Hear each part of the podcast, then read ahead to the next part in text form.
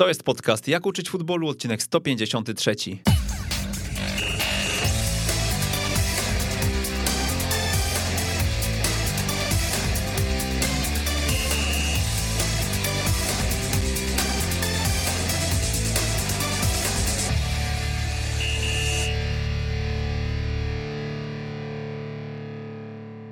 Jak uczyć futbolu 153 przy mikrofonie Przemysław Mamczak. Good morning. Dzisiaj trochę inaczej niż zwykle, nie, nieprzypadkowo e, zaczynam po angielsku, bo mój dzisiejszy gość e, przyleciał w nocy z Londynu e, po to, żeby właśnie tutaj spotkać się w ramach Jak uczyć futbolu. Oczywiście nie tylko po to przyleciał do Polski, ale jest ze mną Bartosz Andryszak. Cześć Bartek. Good afternoon, tak. Good afternoon. Bartek, e, Bartek, jak słyszymy, e, to dobry nauczyciel angielskiego, ale nie tylko, jest też analitykiem Queen's Park Rangers, w którym pracuje od 9 lat. E, no i może o tej swojej notce biograficznej opowiedz na początek naszym słuchaczom. Tak, 9 lat. Zaraz będzie w grudniu 9 lat, także już jest całkiem fajna liczba. Długa, długa droga, fajna przygoda i, i krok po kroku jakoś to szło do przodu, idzie dalej do przodu jestem w tym miejscu, gdzie jestem. I, I, to jest całkiem przyjemna i taka bardzo progresywna droga, którą przeszedłem przez te ostatnie 9 lat. I do dzisiaj tak ostatecznie wylądowałem na stanowisku analityka pierwszej drużyny w Queen's Park Rangers. Także. Mhm. Ehm, wracając jeszcze do e, tego czasu przed wylotem do Anglii. Lech Poznań, tutaj w Akademii e, pracowałeś, tak. no i potem, i potem e, QPR, tak? No to powiedz, jak, jak ta droga wyglądała, bo dzisiaj jesteś analitykiem, ale wiem, że też pełniłeś inne role na starcie. Zdecydowanie. Zacząłem w ogóle swoją przygodę z piłką nożną od um, nauki bycia trenerem w Lechu Poznań przez 3 lata. To była dobra szkoła życia trenerskiego. No i później w 2012 zdecydowałem się na bilet w jedną stronę do Londynu i, i, od początku miałem duże wsparcie, jeśli chodzi o QPR, miałem duże wsparcie, o, o, jeśli chodzi o pewne osoby, które poznałem w czasie jeszcze pracy w Lechu Poznań. I zacząłem tą swoją przygodę e, od trzech miesięcy stażu w Tottenhamie. Tam poznałem kolejne wartościowe osoby, które z czasem e, zabrały mnie ze sobą w pewnym momencie do, do Queen's Park Rangers, do Akademii, no i tak ta moja przygoda się zaczęła. Zaczęła się od ćwiercie tatowego, bym powiedział, skauta, plus kilku innych prac gdzieś e, poza piłką nożną, a z rokiem 2013 zostałem pełnoetatowym e, kitmanem. Jakkolwiek to może słabo brzmi, ale tak nie było, ponieważ to była pierwsza praca, która dała mi szansę bycia pełnoetatowo w piłce nożnej i trochę oglądania tego angielskiego futbolu z takiego tylnego siedzenia, bez presji, bez bycia pod, e, bycia pod jakąś e, presją wykonawczą, jeśli chodzi o zawód trenera. Wiadomo, że tam musiałem udowodnić e, swoją wartość jako człowiek na początku, a dopiero później dodać do tego walory trenerskie, bo to jednak ciężko się przestawić, szczególnie zagranicznym pracodawcom na danie szansy komuś spoza poza kraju. No ale ostatecznie po roku zacząłem robić też analizy, zacząłem robić e, wolontaryjnie, oczywiście dodatkowo po godzinach zacząłem trenować dzieciaki w akademii. No i z czasem też miałem możliwość zrobienia UEFA e, wyrównawczego kursu w Polsce. I to fajnie tak się wszystko ułożyło, że, że, że pomagałem mi przy pierwszej drużynie analizy, w analizie mm, pomagałem przy U15, w Akademii U14. Także było dużo, du, duża ilość godzin, które przepracowałem, no a teraz już w pełni skupiam się tylko na, na analizie. Mhm. Mm, no, słuchaj, to jest nietypowa droga na pewno. E, bardzo nietypowa. Bardzo nietypowa, dokładnie, bo mm, no, nie chcę tego spłycić, ale trochę z ulicy trafiłeś do Premier League praktycznie. E, no, chciałbym Premier League. Bardzo chciałbym Premier League. Może w tym sezonie się uda. Jest duża ambicja na was. Byłoby fajne zamknięcie tej, albo rozpoczęcie nowej klamry. To moment, ty trafiłeś do pierwszego zespołu? Do nie, nie, nie, nie. Kiedy? Ja do Championship trafiłem 4 lata temu. 4 lata temu, okej. Okay. Do pierwszego Czyli zespołu. Trochę się spóźniłeś. Tak, ale, ale doświadczyłem jednego z moich, chyba to jest, jeśli chodzi o moje kibicowskie, jeśli mogę tak to nazwać, kibicowskie mm, życie, trafiłem w moment, kiedy najfajniejszy dzień właśnie byciu kibicem to był nasz moment awansu do Premier League w 2014 roku. Już wtedy byłem pełnoetatowym pracownikiem klubu, akademii. No i specjalnie na ten jeden dzień obiecałem sobie, że jak awansujemy do finału playoffów, to przylecę na jeden dzień, już miałem wtedy urlop sześciotygodniowy, no ale trzeba było obietnicę spełnić. No i pojechaliśmy i, i z przyjacielem um, doświadczyliśmy zwycięskiego gola Bobiego Zomeru w 90 minucie, który no, spowodował, że awansowaliśmy do Premier League. No to było szaleństwo, absolutne szaleństwo na Wembley. No i, i to był ten sezon, kiedy, kiedy miałem okazję pooglądać parę fajnych zespołów, minąć się z paroma fajnymi menadżerami gdzieś tam w tunelu, ale dalej nie byłem jeszcze wtedy um, pracownikiem pierwszego zespołu, więc, więc to było bardziej z takiego tylnego siedzenia, gdzieś z boku obserwator. No ale w 2000 żeby nie skłamać, 18 w styczniu, czyli zaraz będzie 4 lata, jeśli dobrze liczę, mhm. zostałem zawołany do biura dyrektora Lesa Ferdinanda, no i, i stało się, co się stało i, i do dzisiaj trwa ta fajna przygoda z piłką. To powiedz, jaka jest dzisiaj twoja rola, e, tak e, żebyśmy sobie ją szczegółowo omówili. Rola analityka, co to znaczy? To znaczy, że moim zadaniem jest zebranie, zanalizowanie, i przedstawienie danego materiału odnoszącego się w kwestii naszych przeciwników i w kwestii naszej własnej drużyny trenerom, którzy później filtrują dalej tą wiadomość do zawodników. Czyli generalnie jesteśmy bankiem informacji, jest nas dwóch pełnoetatowych pracowników. E, do tego w tym roku mamy stażystę, czyli jest nasz, powiedzmy sobie, dwa i pół, dwo, dwie i pół osoby. I naszym zadaniem właśnie zebranie tej całej możliwej informacji, która ma pomóc naszej drużynie zarówno w rozwoju własnym, jak i, um, jak i przygotowaniu się jak najlepszym do walki sportowej.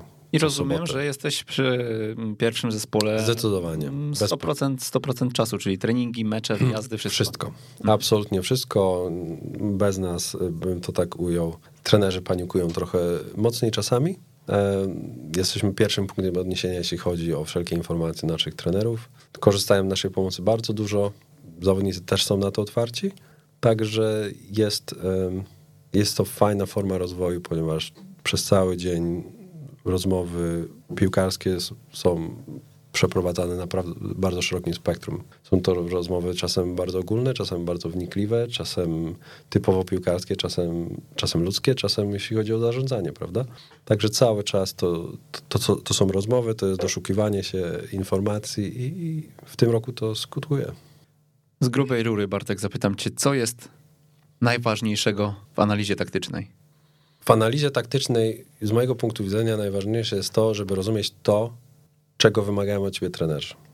Musisz być selektywny w tym, co, co szukasz. Musisz być selektywny i musisz wiedzieć to, czego mo, co może się przydać. Spektrum informacji, które jesteś w stanie zebrać odnośnie jednego przeciwnika w obecnych czasach, no to jest od koloru do wyboru, co chcesz. Możesz mieć wszystko, łącznie z statystykami w tył kilka lat. Czyli tam jest wszystko. Tylko najważniejsze jest to, to, co jesteś w stanie przekazać trenerowi, co on jest w stanie później pokazać i nauczyć zawodników na, na boisku. To jest też bardzo ważne. Istotne jest też rozumienie filozofii twojego zespołu. A z takich czysto, czysto ludzkich um, walorów powiedziałbym, że dla mnie najbardziej yy, najbardziej ważną cechą była forma, umiejętność adaptacji. Ja pracowałem pod czterema różnymi, um, czterema różnymi menadżerami i ich charakter, ich wymagania, ich sposób bycia, ich sposób pracy były skrajnie inne.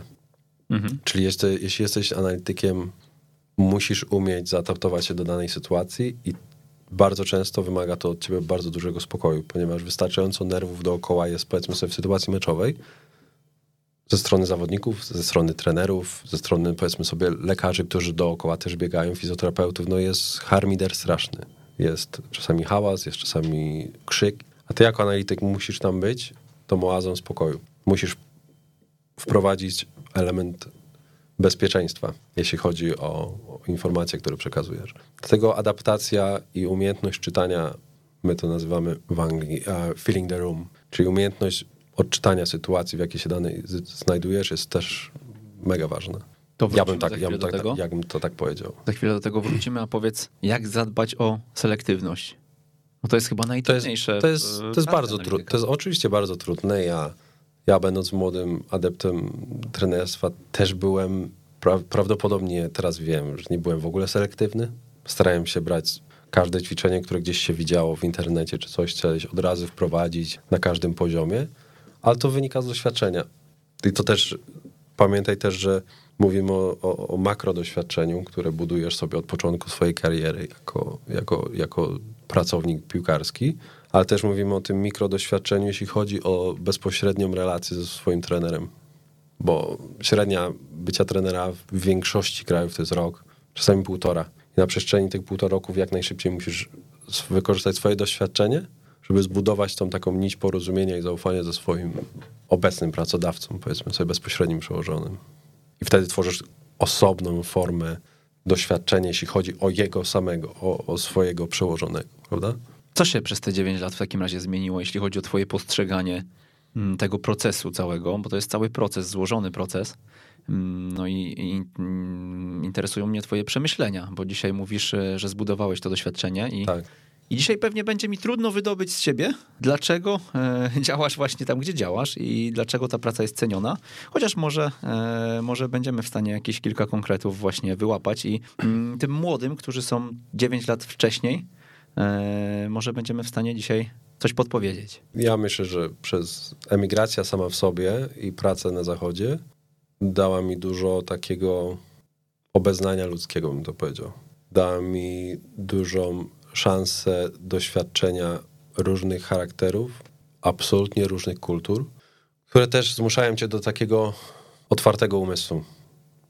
Nie możesz w każdej sytuacji zawsze być super skrajnie sobą, ale, ale y, ja nauczyłem się przez 9 lat przede wszystkim umiejętności adaptacji, umiejętności słuchania. Wiem, że będąc młodym trenerem znacznie więcej starałem się rozmawiać, a nie słuchać, wydawać polecenia, powiedzmy sobie rozkazy, a nie starać się odebrać i obserwować moich, e, czy to podopiecznych, czy, czy e, współpracowników.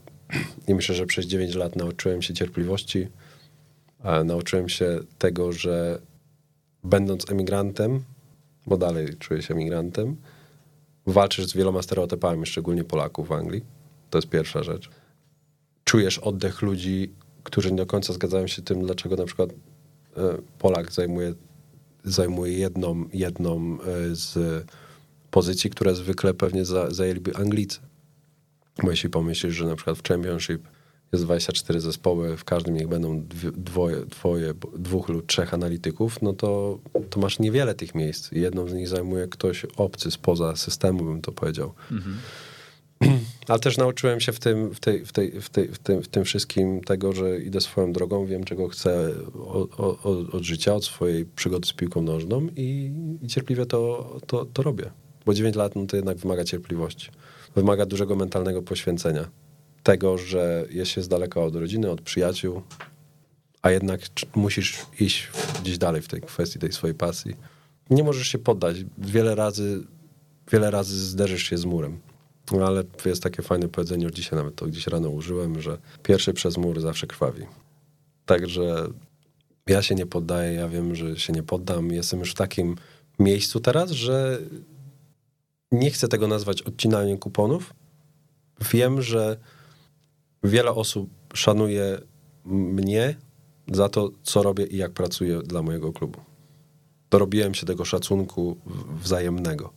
Nie, nie, nie chcę nazwać tego e, buńczucznie, że nie muszę niczego udowadniać, ale doszedłem już do takiej kwestii formy zaufania z, ze strony moich pracodawców chociażby i osób, które znam w, innej, w innych klubach, że mamy, mamy bardzo dobre, dobre relacje i, i, nie jestem już anonimem, tak to ujął, jeśli chodzi o swoją pracę. Nie nazwisko, ale o swoją pracę.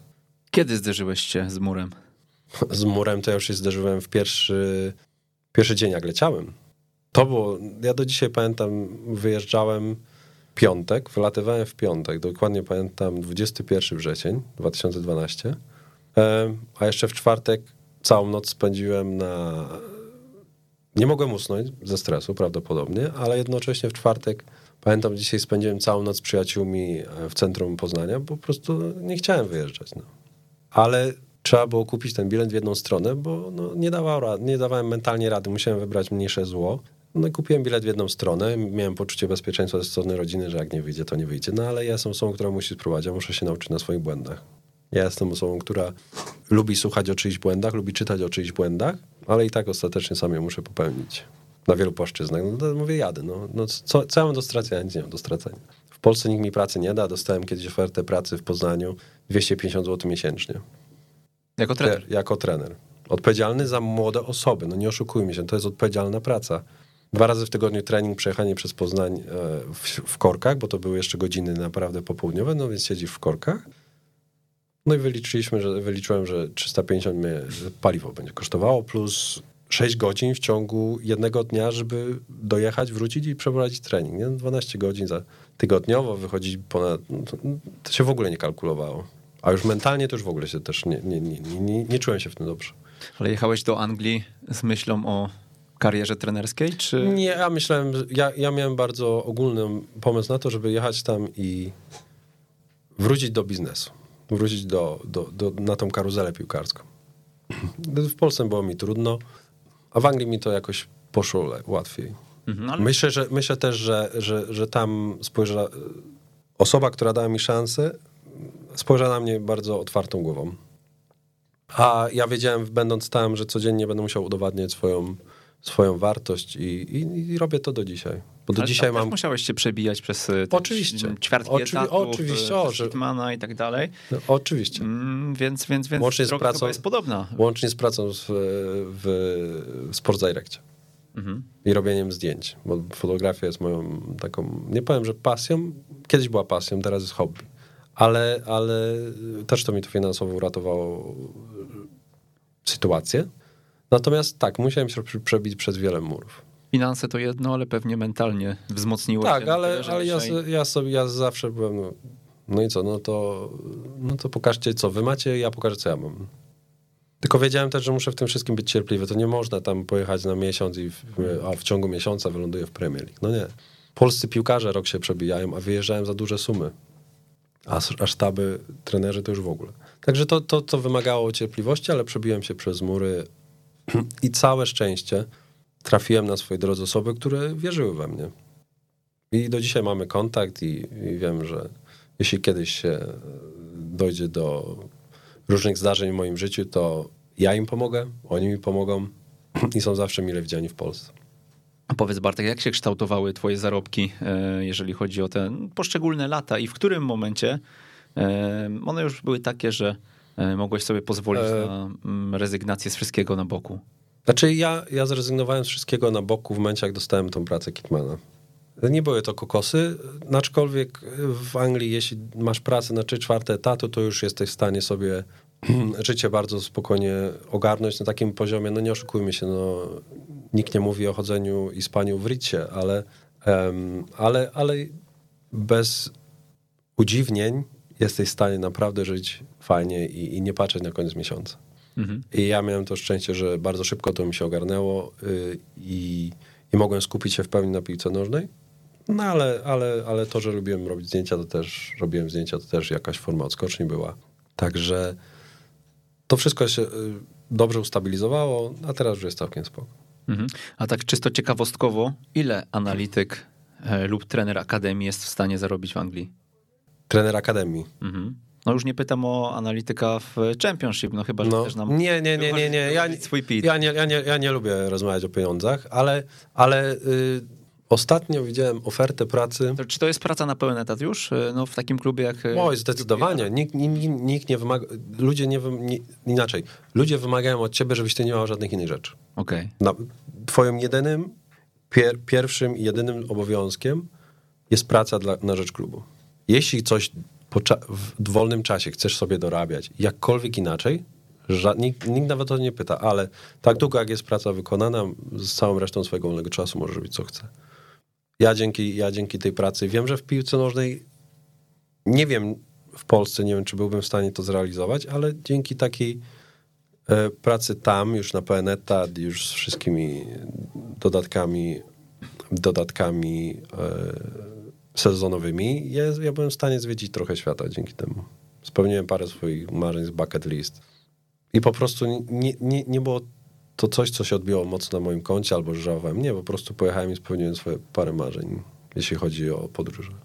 I dalej to robię. To zamykając ten temat, y, orientujesz się jak dzisiaj w Akademii właśnie y, QPR Hmm. Znaczy nie wiem, jak nie, też? szczerze nie wiem, dawno w ogóle nie interesowałem się tym, ile to, to, to, to kosztuje, ile, ile, ile można zarobić, ale widziałem też kilka ofert pracy i, i za analityka w Premier League, nie szefa, tylko jednego z analityków, dostał, była praca za 40 tysięcy funtów rocznie, sprzed podatkiem, plus bonusy pewnie, plus jakieś tam...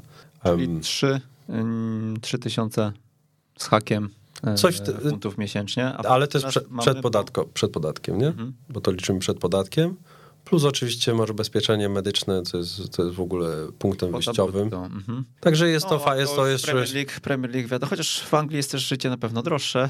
W Londynie zdecydowanie, zdecydowanie, zdecydowanie natomiast, natomiast no jest to już kwota, która jest e, która jest e, spokojnie daje e, popracować, tak? Znaczy, nie jesteś w stanie, nie, nie chce ci się nawet szukać innych rzeczy, no, nie? Oczywiście. Martek, wróćmy do tej analizy. Kto jest dobrym analitykiem, powiedz mi? Przede wszystkim musisz rozumieć grę. To Co raz. to znaczy rozumieć grę? To znaczy, że musisz wiedzieć, gdzie patrzeć. Tu musisz wiedzieć, na co patrzeć, jak patrzeć i przede wszystkim, co wybrać. Wiemy, że piłka nożna to jest mecz piłki nożnej 90 minut nieprzewidywalnych zdarzeń tysiące zdarzeń. Jak spojrzysz na statystyki, wszystko jesteś w stanie opisać teraz liczbami. Tylko kwestia tego, co jesteś w stanie z tego wyciągnąć. I trzeba też umieć uczyć się, powiedzmy sobie, na swoich błędach, bo teraz żyjemy w takim czasie, że ilość informacji, która nas, e, do nas dochodzi, jest e, mega duża. E, I teraz czasami daną informację jesteś w stanie wykorzystać, czasami nie. I to też ta selektywność, o której mówiłem, dla danego meczu, dla danego przeciwnika, dla twojego okresu jako drużyny, bo to też drużyna przechodzi przez różne okresy. Wszystko jest, wszystko jest właśnie relatywne do tego, co jako analityk musisz rozumieć. I myślę, że ta, ta otwarty umysł też na, na rozmowę, na słuchanie, na wyciąganie pojedynczych zdań z tego, co mówią trenerzy, co mówią trenerzy przeciwników. Ja myślę, że to wszystko takie obserwacja, umiejętność postrzegania. I, i jeśli chodzi o czysto przygotowawcze rzeczy. A jeśli chodzi o mecz, to, to, to yy, tak jak już wspomniałem kilka razy, obserwowanie tego, co się dzieje poza piłką. Piłka jest jedna, 22 zawodników jest na boisku, także y, przewaga liczebna jest po stronie rzeczy, które się dzieją poza piłką. I ja myślę, że umiejętność obserwowania tego wszystkiego jest istotna i to zmienia, zmienia, zmienia, zmienia sposób twojej pracy. W ostatnim wywiadzie dla Weszło z Leszkiem Milewskim powiedziałeś, jak oglądam mecz, to nie patrzę już na piłkę. Piłka jest odwróceniem uwagi od wszystkiego tego, co dzieje się na boisku. Cała magia dzieje się bez piłki, gdzie otwierają się przestrzenie, gdzie kto wbiega, jaka zachodzi praca. Piłka jest dystrakcją. Zdecydowanie. Podpisuję się ponownie. Mhm.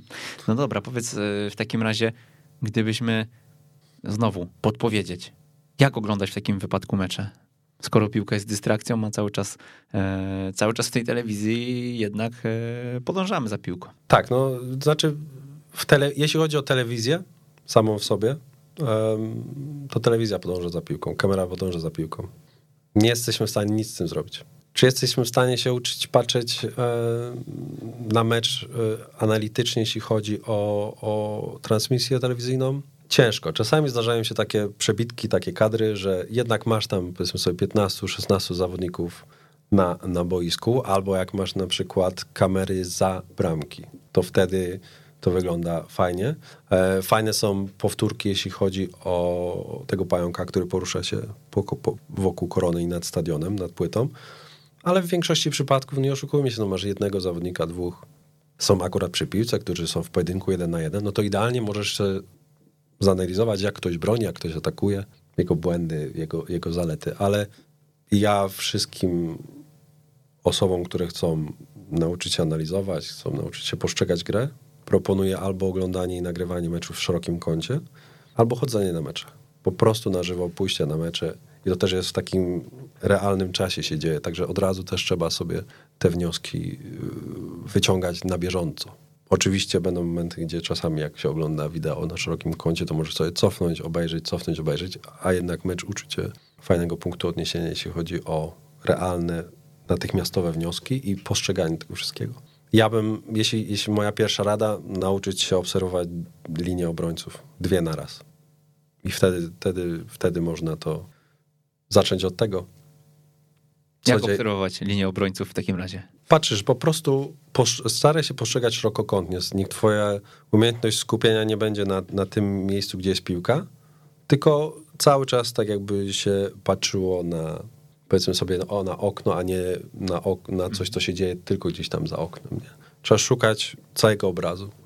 A myślę, że w obecnych czasach e, na boisku tak jest wszystko zawężone i, i podniesione do, jeśli chodzi o przestrzenie, są tak zamknięte, że to wszystko dzieje się bardzo blisko siebie, więc o tyle jest łatwo.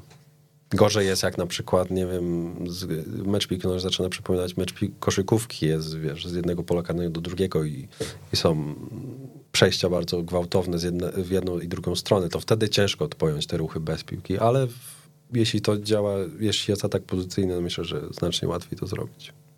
No po prostu trzeba spróbować, nie? To jest tak jak, tak jak są nauki czytania szybkiego, nie? To, to, to, to my czytamy, raz, że my czytamy swoim wewnętrznym głosem, czyli też nie czytamy szybko, ale te nauki to są pójście przekątną przez trzy albo cztery kolejne linijki, więc to też jest inna, in, inna kwestia. Też trzeba się nauczyć, no. Akurat jestem e, w trakcie e, lekcji szybkiego czytania. Więc teraz ty, ty mnie możesz czegoś nauczyć, że ja nigdy tego nie wziąłem, słyszałem i, i też może kiedyś to wezmę, aczkolwiek ostatnio się nie spieszę z książkami. Pogadamy, pogadamy przy kawie w takim razie. Ale, ale, ale tak. Ale ja, ja, ja, doświadczy, słuchaj, ja osobiście doświadczyłem już teraz cztery sezony, no to łatwo policzyć, niech będzie to 150 meczów. Mhm. dwa pytania. Pierwsza kwestia, czy znasz jakieś źródła, z których jesteśmy w stanie pobrać, bądź jesteśmy w stanie oglądać mecze w szerokim kącie, czy z Tactical Cama, czy, czy, czy, e, czy jakieś e, tego typu nagrania. Mm, drona, no to byłoby idealnie podejrzewam. No tylko, że drony wytrzymują tam z 20 minut baterii. No, ale, ale są, są, gdzieś tam nagrania e, tego typu.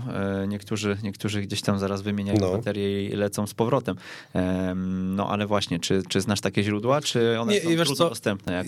Przede wszystkim dzielenie się... Mm, znaczy, jeśli mówię, powiem Anglii, ja w Polsce nie wiem, jak to działa.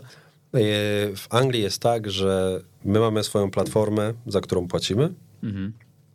za którą płacą wszystkie kluby, od, ligi, od Championship do League 2.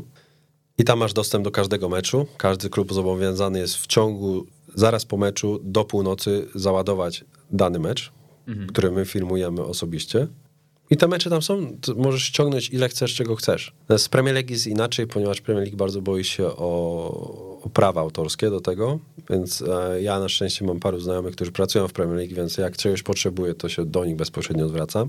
E, niedługo ma być sesja, jeśli chodzi o, o Premier League Championship. E, no i wtedy ma być znacznie wygodniej. No ale Bartek dla takich indywidualnych trenerów, którzy nas słuchają, nie. dzisiaj są analitykami początkującymi, tak? Początkującymi, no to ja bym poszedł na pierwszy, na mecze. Po prostu mm -hmm. idź na żywo na mecz. Mm -hmm.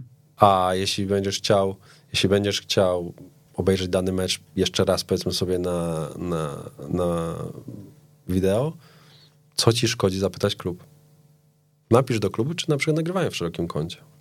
A jeśli nie nagrywają, to co się pojawia od razu? Okienko, jak, jakie drzwi się pojawiają? A może ja nagram. Mhm. I pojawia się sytuacja, że ktoś, powiedzmy sobie z ulicy, kto jest zajaranym analitykiem, zaczyna nagrywać mecze dla jakiejś drużyny. Dlaczego nie? E, ale, ale tak, przepraszam, że się wtrącę, ale, ale myślę, że najłatwiej iść i oglądać mecze. Oglądać no, mecze. Od, od jakiegoś poziomu też, nie? Bo mm, no, często gdzieś na poziomie trzeciej, czwartej ligi no widzimy to z perspektywy boiska, bo, bo nie jest trybuna zbyt wysoka. I oczywiście, oczywiście. Nawet, nawet pewnie w Ekstraklasie nie będziesz miał wysokich trybun. Nie, no już mamy Bartek fajne stadiony. Ale ja nie mówię, że, ale ja nie mówię, że nie są, ale, ale też potrafią być niskie, powiedzmy sobie, nie? Gdzieś tam. Też zależy od twojego miejsca oczywiście, które dostaniesz. No, tak, tak, tak. Jest dużo, dużo zbieżnych. Można, ja nie... można wykupić ten tańszy bilet, żeby być na samej górze. Na, gdzieś na szczycie. I wtedy, i, i wtedy, wtedy właśnie tak, z chmur można oglądać. Ale nie, nie. Ja osobiście uważam, że idź i doświadczaj. Idź i doświadczaj, bo to też cię przygotuje do pracy, powiedzmy sobie, wśród kibiców, bo to też jest mega ważne. My często lądujemy w miejscach, gdzie są naprawdę wrodzy, wrogo nastawieni kibice. A ty nie jesteś przy ławce, tylko pewnie e, Nie, my jesteśmy w chmurach. Mamy kontakt z bazą. e, Słuchawka? Słuchawka. Ale słuchaw... jesteście obaj, e, bo Tak. jest was dwóch, prawda? Jest nas dwóch, Jesteście czasami z obaj nami jest razem, czy nie tak, wiem, po tak siedzimy obok siebie. Zależy też od, od, od, od stadionu, bo Mhm. są stadiony, gdzie jesteśmy w stanie obok siebie usiąść, wszystko sobie podpiąć, komputery pod prąd i w ogóle, a czasami są takie stadiony, że trzeba gdzieś pod dachem na jakichś kładkach stać i, i, to, i, i to zorganizować, tak żeby działało. Ale tak, jest z nami najczęściej też jeszcze jeden trener, więc jest nas trzech. I to wszystko idzie bezpośrednio do, na ławkę, nie? Mamy kontakt z bazą, dwóch trenerów tam ma znowu e, słuchawki i, i, i to jakoś idzie ta komunikacja. A, I w przerwie schodzicie do szatni. tak jest. Mhm. Powiedz Bartek, wiem, że to będzie trudne, e, bo najprościej byłoby nam e, podpalić pewnie e, twój twardy dysk i Zostawiłem w Posiłku. Londynie, przyjechałem odpocząć. posiłkować się fragmentami wideo, na których podstawie byśmy byli w stanie pewnie No. sporo rzeczy przekazać, ale powiedziałeś o tej obserwacji dwóch linii Mhm. defensywnych. Powiedz, do jakich wniosków to może doprowadzić? Czyli no, oglądam sobie te linie i gdybyśmy, nie wiem, zrobili sobie jakieś dwie, trzy ścieżki, e, co zauważasz i do jakich wniosków cię to prowadzi? Czyli na przykład pierwszy przykład z brzegu, dwie linie i na przykład jak reagują na ludzi wbiegających z, z, z środka pola. Czyli jak oni reagują, jak się zachowują w momencie, kiedy ktoś zaczyna wbiegać za ich, Za ich plecy. za ich, za ich plec. Jak reagują na, powiedzmy sobie, na... Dwa, grają dwa systemy. Gra czwórka z tyłu i gra piątka z tyłu. I teraz jak ta czwórka reaguje na tego piątego, który jest po słabej stronie boiska? To też jest ważne, czy oni są na niego otwarci, czy go zostawiają, czy nie. Czy, czy, czy szybko się przesuwa lewo, prawo. Obserwujemy, że ta linia jest sztywna. e, Dokładnie, czy, czy, czy reakcja na to, co jest Czy jeden z zawodników tak, na przykład e, daje się wyciągać Albo na przykład- linię spalonego. Dokładnie, albo na przykład, gdzie jest jedna linia obrońców, kiedy druga drużyna wznawia grę od pola z bramki. Mhm. Jak jest wysoko. Czy na przykład e, jak reagują jedni obrońcy w momencie, kiedy e, przeciwnicy już są przed polem karnym i czekają na wznowienie z, agresywnym pressingiem. Jak się ustawiają, gdzie zaczynają środkowi obrońcy. A to poda, podasz jakieś przykłady mm, właśnie, co, e, co zauważasz i, i co to dla ciebie znaczy? Na Wiem, że przykład... to jest trochę uproszczenie, nie? To jest, to jest uproszczenie, ale mamy na przykład e, e, takie drużyny, które w momencie, jak my rozgrywamy, oni już czekają na nas, przed, w, praktycznie w polu karnym, są w pozycji gotowej do sprintu, po to, żeby naszych zawodników już presować. No oczywiście my weźmie, podejmiemy ryzyko rozgrywania, ale Mówisz o pewnie... otwarciu gry. Wasze. Tak, tak. I, ale pojawią się sytuacje, że trzeba będzie zagrać długą piłkę. To też ich sposób zachowania daje nam punkt odniesienia, bo czasami no, nie jesteś w stanie przeskoczyć i trzeba tą drużynę rozciągnąć. I my rozciągamy to przez długie, długie podanie. I to nie jest długie podanie po to, żeby tą piłkę wyczyścić po prostu wyrzucić gdzieś przed siebie, tylko to jest wycelowane, wy- przygotowane podanie za linią obrony po to, żeby tam nasi pomocnicy i napastnicy mogli wbiec, po to, żeby ich rozciągnąć. Jak zaczniesz rozciągać parę razy środkowych obrońców, to oni zaczną automatycznie te kilka metrów Asekuracyjnie. zaczną grać i się tworzy miejsce dla pomocników, powiedzmy sobie, nie? Albo a dla naszych obrońców, którzy mogą wtedy mając, nasi, nasi pomocnicy, nasi obrońcy, muszę przyznać, że mają bardzo duże umiejętności, jeśli chodzi o, o mają bardzo duże umiejętności, jeśli chodzi o operowanie piłką. Jeden na jeden, podanie, mają duży, duży zasób podań, więc są niebezpieczni, jeśli chodzi o wznowienie gry. Dlatego my często jesteśmy presowani. No ale mimo tego obchodzimy to jakimiś tam naszymi sposobami, nie? Mhm. Na przykład inny, inny, inny, inna sytuacja. My presujemy drużynę i ona decyduje się na wznowienie długie. Gdzieś w nasze rejony za naszych środkowych obrońców. I teraz jest pytanie takie, co się dzieje ze środkowymi obrońcami przeciwnika, kiedy ta piłka jest zagrana daleko? Czy oni na przykład szybko są w stanie podejść i skrócić pole gry, czy nie? Bo jeśli nie, a ty wygrasz głowę, no to od razu się tworzy sytuacja na kontratak. Szybko to jest też takie mm, subiektywne, nie? To chyba Oczywiście, wytrenować oko. wytrenować oko, ale też chodzi o to, na przykład, nie wiem, to może być jedno podanie, może być dwa szybkie podania, zależy, ale też chodzi, graliśmy mecz pucharowy em, z drużyną Leyton Orient, dzisiaj pamiętam, i od razu widzieliśmy w przygotowaniach, że ich, em, że ich linia obrony po wznowieniu gry bardzo, bardzo wolno podchodzi i skraca pole gry. Więc wiedzieliśmy, że w momencie przejęcia piłki pozostaje nam dużo miejsca po to, żeby uniknąć raz pułapki offside'owej, a dwa zostaje bardzo duża przerwa między pomocnikami i obrońcami. No i parę razy to wykorzystaliśmy. Było to ewidentnym przykładem, że jednak to się tam działo, nie? Także jest dużo rzeczy takich niuansów, niuansików ogólnych, ale, ale myślę, że staranie się w czasie analizy objęcie całego, całego, całego niekoniecznie bramkarzy, ale, ale tą, ten cały czworokąt bądź wielokąt, zależy, mhm. między dwoma liniami obrony jest bardzo ważny. Można czasami się skupić wyłącznie na linii obrony, jak ona reaguje na linię ataku przeciwnika.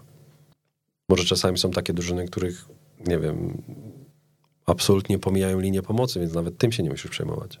A masz taką swoją opracowany jakiś taki ciąg logiczny e, analityka, tak, gdzie, tak. gdzie zadajesz sobie poszczególne pytania właśnie, żeby nic nie przeoczyć? Tak. Mam, mam, mam to w głowie, raz, że wynika to z doświadczenia, raz, że wynika to z umiejętności obserwacji meczów. Ja wiem, co nam jest potrzebne, ja wiem, co jest potrzebne naszym trenerom, co naszym zawodnikom, ja wiem, czego my wymagamy od naszych zawodników. I ile to jest punktów? Jesteś w stanie się tym ogólnie, ogólnie, ogólnie punktów, um, na które, które ja postrzegam, na które ja patrzę, to byłoby 7-8. Okej. Okay. To jest w dwóch fazach, mam to fajnie podzielone. Mhm. I od tego się buduje cały. Mam, mam, mam, mam który. Nie, ja mam w głowie to wszystko. Mhm. Mam swój szkielet, y, szkielet patrzenia na mecz i, i mam nadzieję, że to. I póki co to, to, to daje mi dużą taką. Raz, że jest sztywna rama, która spełnia wszelkie wymogi prezentacji, a dwa, z tego możesz sobie tam już wnioski, wnioski do, poboczne, rozwijać jak od nogi, robić różne mniej ważne lub ważniej, bardziej ważne. Nie? Wyciągnę od ciebie ten szkielet? Ale tu, tu nie ma filozofii. Tu nie ma, tu nie ma no filozofii. Dawaj. Proste. To jest, jak to drużyna, naj, jak, największa wartość, żebyśmy sobie właśnie... Jak, jak drużyna wznawia grę? Co robią jej pomocnicy w tym czasie? Bo to też jest ważne, co robią w tym czasie ich pomocnicy i napastnicy. Czyli jeżeli mogę cię poprosić, e, Czyli masz na przykład i żebyśmy sobie właśnie po, mm, poparli przykładami, e, co ci pomocnicy mogą robić. Czyli na przykład Fulham trzy lata temu, jak grał Fulham? Fulham grało, stawiało grę na dużym ryzyku z własnego pola karnego, czwórka z tyłu, trójka pomocników była dalej blisko pola karnego, czyli było siedmiu zawodników. Na swojej połowie. Mhm. Na swo w swojej pierwszej tercji w ogóle bym to ujął okay. nawet. Czyli oni zapraszali do cudzysłowiego tańca kolejnych siedmiu zawodników albo ośmiu czasami zawodników przeciwnika, a z przodu kto zostało? Mitrowicz. i... Mitrowicz. Mhm. I napastnik. A Mitrowicz to jest gość, który to jest kawał chłopa. Stanął przy mnie, to czułem się mały. Ale z nim na imprezę mógłbym wyjść. Czułbym się bezpiecznie. I teraz wyobraź sobie Mitrowicza, który ma 188 cm wzrostu, 90 kg mięśni i on zostaje na jeden na jeden z obrońcą. No to jest duża szansa, że jednak wyciągnie z tej akcji coś dla siebie. No i wtedy co robił, yy, co robił na przykład bramkarz? Prosto do Mitrowicza. Czyli jeśli daliśmy się zaprosić, e, popełniliśmy ten tak. błąd i w tą, e, do tego tańca podchodzimy, no to piłka na Mitrowicza. Tak. Mhm. Dokładnie. A jeśli zasekurujesz Mitrowicza i zostawisz jednego zawodnika przed nim, po to, żeby piłka do niego nie spadła, bo to też pamiętajmy, to nie są podania na chybił trafił. Tam bramkarze potrafią podać z, po jednym koźle podanie, które się zatrzymuje mu na klatce bądź na, na, na stopie. I on jest w stanie z tego zrobić użytek. A jeśli nie zostawimy ludzi wokół Mitrowicza, mhm. no to wtedy ich zawodnicy są w stanie kilkoma podaniami naprawdę przejść przez. Czyli niejako, wiele... niejako ta linia pomocy definiuje nam e, to, co się też, może dziać za chwilę, też, tak? Dokładnie. Ich ruchy. Jak się ruszają? Rotacje? Rotacje wszelakie. Czy to są rotacje między pomocnikami, czy to są rotacje z obrońcami, czy to są rotacje skrzydłowymi. Mhm. To, jest, to jest multum rzeczy. No i później jak oni strzelają bramki. To jest najłatwiejsze, co można zrobić. Czyli jak drużyna strzela bramki którymi kanałami, którymi formami. Oczywiście do tego mamy podparcie statystyczne, które gdzieś tam mówi o tym, skąd przychodzą gole. No i to samo jest w kwestii defensywy, czyli jak presują. Szybko z tego drugiego punktu do ósmego doszedłeś. Ale tu nie ma filozofii, naprawdę. To czekaj, to, bo mm, myślę, że tutaj mega, e, mega fajnie się zagłębiłeś w, ten temat, e, co robią wtedy pomocnicy No. przy, przy wznowieniu od własnej bramki. E, No i potem mówisz, e, przechodzimy do em, tego, w jaki sposób najczęściej zespół m, przeciwnika strzela gole. Albo kreuje szansę, Mhm. bo może być Co na to przykład... znaczy kreować szansę? Jak sobie to definiujecie? Czyli to jest to XG. Czyli w jakich sytuacjach dochodzą do pozycji strzeleckiej. Skąd oddają najwięcej strzałów. Mhm. Skąd przychodzi podanie kluczowe. Są drużyny, które są na szczycie tabeli na przykład e, w wielu statystykach, a jedną z najsłabszych będzie na przykład dośrodkowania, bo nie dośrodkowują. Bo przechodzą do fazy finalizacji przez strefę środkową, a nie ze skrzydła na Czyli tu już się zabezpieczacie m, pod kątem defensywy. Jak, jak Dokładnie. wyjść... e, Kto- musi być uczulony na zagrożenie w danym meczu, nie? Dobra. No, ale to też wynika ze statystyk, które później podpierają twój materiał filmowy, sobie szczerze, nie? No bo dużo, duży element... Czyli najpierw zauważasz jakąś prawidłowość, tak? E, Tak. Nie wiem, dużo dośrodkowań właśnie, to jest To chyba... jest, jesteś w stanie to zobaczyć. I później sobie, tak. liczbami. Mhm. No, Dobra. Mm, I to czyli później Punkt czwarty jest w oparcie statystykami. też. E, Te, Spróbujmy to... to, to oparcie statystyczne ja bym podjął jako, jako ostatni punkt na samym końcu do obu faz. Okej. Do fazy defensywnej. No i teraz odwróć sobie tą, tą kartkę Mhm. z boiskiem i, i to samo. Czyli jak drużyna broni. Czy drużyna Przy poz- naszym wznowieniu pewnie. Tak, czy ona ci pozwala grać? Czy, czy jednak zostawia ci dużo miejsca? Czy to jest drużyna, która gra z kontrataku? Wszystko jesteś w stanie zrobić. Teraz szukasz na przykład y, słabych punktów, jeśli chodzi o pressing. Kto po pierwszym pojedynku jeden na jeden przegranym zostawi ten pressing i przestanie wracać na własną połowę. No, kto jest słabym obrońcą, kto przegrywa główki, no to już jest, to już jest, wchodzimy później Szczegóły. w szczegóły gdzieś tam, nie? Jasne. A powiedz e, w takim razie tak e, odnośnie jeszcze tego tematu, mm, jak, jak, jak broni rywal, też zwracasz szczególną uwagę na pomocników? W kontekście, w kontekście pressingu, czy tu już raczej ta pierwsza linia jest E, Pierwsza linia jest bardzo istotna. Czyli pierwsza ruchy, czy od środka, czy, od, e, czy na zewnątrz? Przede tak? wszystkim jakie są, jak oni są mentalnie nastawieni do tego. Bo można mieć naprawdę, uwierz mi, przeciwników, którzy są bardzo agresywni. I mówię o tym, że są bardzo agresywni, oni się nie zatrzymują. Leeds, Barnsley, to były drużyny, które są mega agresywne, jeśli chodzi o pressing. A są drużyny takie, które jesteś w stanie przewagą liczebną wymienić trzy podania i przechodzisz tą pierwszą linię, już wtedy już jest sytuacja jasna, no bo jest zaburzona harmonia, twoja, twoja piłka już zaczyna być bardziej niebezpiecznym rejonie Muszą boiska wtedy, i tak. wtedy już jest, wiesz, reakcja łańcuchowa, nie? A jak masz dobrze operujących zawodników po swojej drużynie, po swojej stronie, no to wtedy już jest, jest twoja korzyść. Mhm.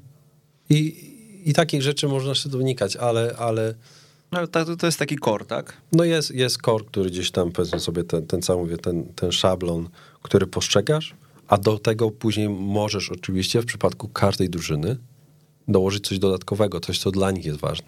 Możesz dołożyć, nie wiem, no, kogoś, kto jest w ogóle najlepszym zawodnikiem, kogoś, kto jest najlepszym asystentem, kogoś, kto jest najlepszym dryblerem, ktoś, kto jest punktem zaczepienia. Będziesz miał drużyny, które na przykład, których akcja przechodzi przez jednego zawodnika. Jeśli jego wyłączysz, no to wyłączysz bardzo dużą część tej drużyny. Także, także mnogość em, interpretacji tego, co widzisz i tego, co czytasz w liczbach jest szeroka. A powiedz, czy obserwując mecz, skupiasz się jednocześnie na tych wszystkich punktach, czy właśnie zaczynasz i pierwsze, nie wiem, e, pierwsze Nie, nie, to, to, to Minuty mecz, mecz, mecz, mecz, mecz, ostatecznie, mecz ostatecznie jesteś...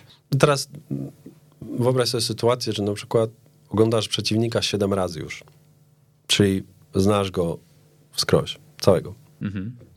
Przychodzi do meczu, to ty się go nie uczysz. Ty już szukasz tych konkretnych rzeczy, które wcześniej zanalizowałeś. I teraz nie oszukujmy się, tych momentów pojedynczych w czasie meczu, pełni synchronizowanych z tym, co wcześniej się, co oni trenują, powiedzmy sobie, i które im wychodzą w czasie meczu, będzie niewiele. Będzie styl ich gry, ale takich sytuacji, których ty się doszukujesz i które się potwierdzasz, bądź nie negujesz, no będzie ich niewiele, nie? No bo nie, piłka jest poza, poza grą 20 minut, czasami 25, 30 minut. Samego czystego meczu przy piłce jest 50, 55.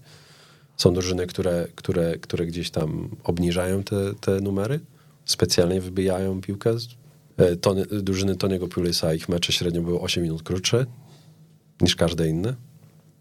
Także są różne formy taktycznego podejścia do tego, ale jeśli obejrzałeś daną drużynę 7 razy, no dochodzi do tego meczu na żywo, no to jest kolejny raz po prostu kiedyś oglądasz.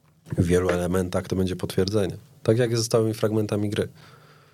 Jest ich gdzieś tam niewiele i jak je widzisz, to od razu wiesz, że to jest to samo, co było przygotowane i jest super, no ale nikt nie zabrania im przygotowania czegoś nowego. No i wtedy co, co masz? Nic nie zrobisz. Musisz po prostu sobie z tym poradzić. Jako zawodnik na boisku. Trenerze, czy wiesz, że każdego miesiąca w ramach Szkoły Trenerów Online spotykamy się na szkoleniach online z trenerami, których słyszysz w jak uczyć futbolu? Najciekawsi goście z największą wiedzą do przekazania przekazują ją regularnie. E, przekazują ją e, w formie wykładów, w formie warsztatów, e, a osoby uczestniczące w szkoleniach otrzymują też prace domowe do realizacji na kolejne dni. 10 godzin szkolenia, dostęp do niego przez kolejne 14 dni. Jeżeli chcesz poznać szczegóły, zapraszamy na ekstratrener.pl ukośnik STO. Ile meczów oglądasz przed spotkaniem ligowym? Przeciw, przeciwnika oczywiście. Na pewno trzy, cztery ostatnie i później, w zależności od tego, jaką my mamy taktykę, no to szukam odpowiedników w, w, w przeszłości. No i czasami to jest pięć, czasami sześć. Czasami masz drużynę, która przegrała mecz, nie wiem, 15 meczów temu. I wtedy oglądasz ten mecz. No właśnie tak jak mówiłem, ta platforma daje nam duży dostęp do wszystkich meczów od początku sezonu. No i to jest mega pomoc. Oglądasz to na przyspieszeniu? Yy, już teraz. Ta, nie, oczywiście, oczywiście. Ja już teraz nauczyłem się oglądać mecz, bo, no bo, bo wiesz, kiedy zacząć. Inaczej, wiesz, w których momentach, których rzeczy możesz się spodziewać. No bo jeśli na przykład, nie wiem, sytuacja jest taka, że drużyna przez trzy minuty wymienia się jedna z drugą wrzutami z autu po jednej stronie, albo w tej samej strefie, no to sorry, ale jest do przodu, nie? Mhm. Mamy też e, możliwość taką, że nasze mecze, które się pojawiają na platformie, one też mają zasób danych, które za tym idzie i one są już pocięte na pewne fragmenty, więc my wiemy, co ominąć. One są mocno już zakodowane przez firmy zewnętrzne i to nam też ułatwia sprawę. Nie? Miałeś takie momenty, które były takim e, strzałem, takim zmieniającym perspektywę trochę twojego spojrzenia na analizę meczu? Rinus Michels kiedyś powiedział, że expect unexpected. I analiza to jest jedna, przychodzi do meczu,